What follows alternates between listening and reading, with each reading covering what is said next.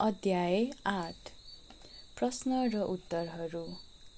अधिक पशु सञ्चार गर्नुअघि हामी केही प्रश्नहरू सम्बोधन गर्न चाहन्छौँ जुन तपाईँलाई मनमा आफ्नो लागि आउन सक्ला।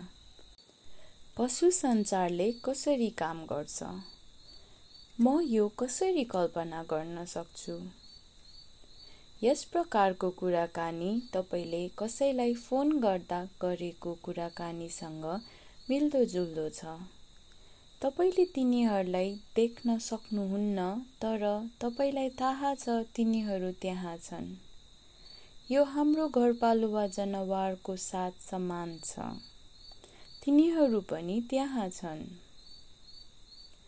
सायद तपाईँ सोच्नुहोला कि आफ्नो आँखा खुला वा बन्द गर्नु राम्रो हो। जस्तै कुनै कुरामा ध्यान दिए वा चिन्तन गरे झैँ धेरै मानिसहरू आफ्नो आँखा बन्द गर्न रुचाउँछन्।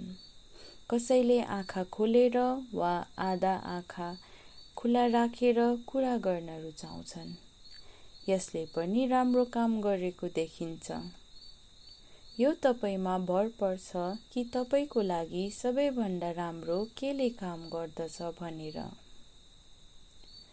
तपाईँको पाल्तु जनावर तिनीहरूको सारमा तपाईँसँग उपस्थित छ।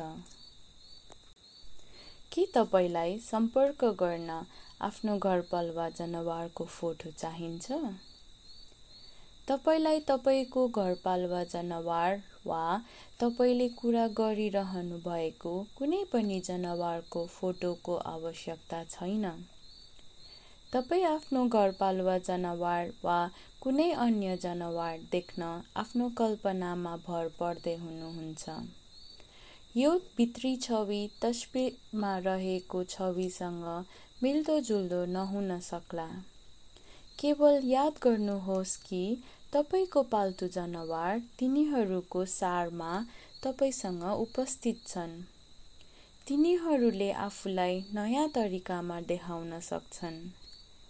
तपाईँले तिनीहरूको कम्पनलाई जुनसुकै रूपमा पहिचान गर्न सक्नुहुनेछ किनभने तपाईँले तिनीहरूलाई चिन्नुहुन्छ।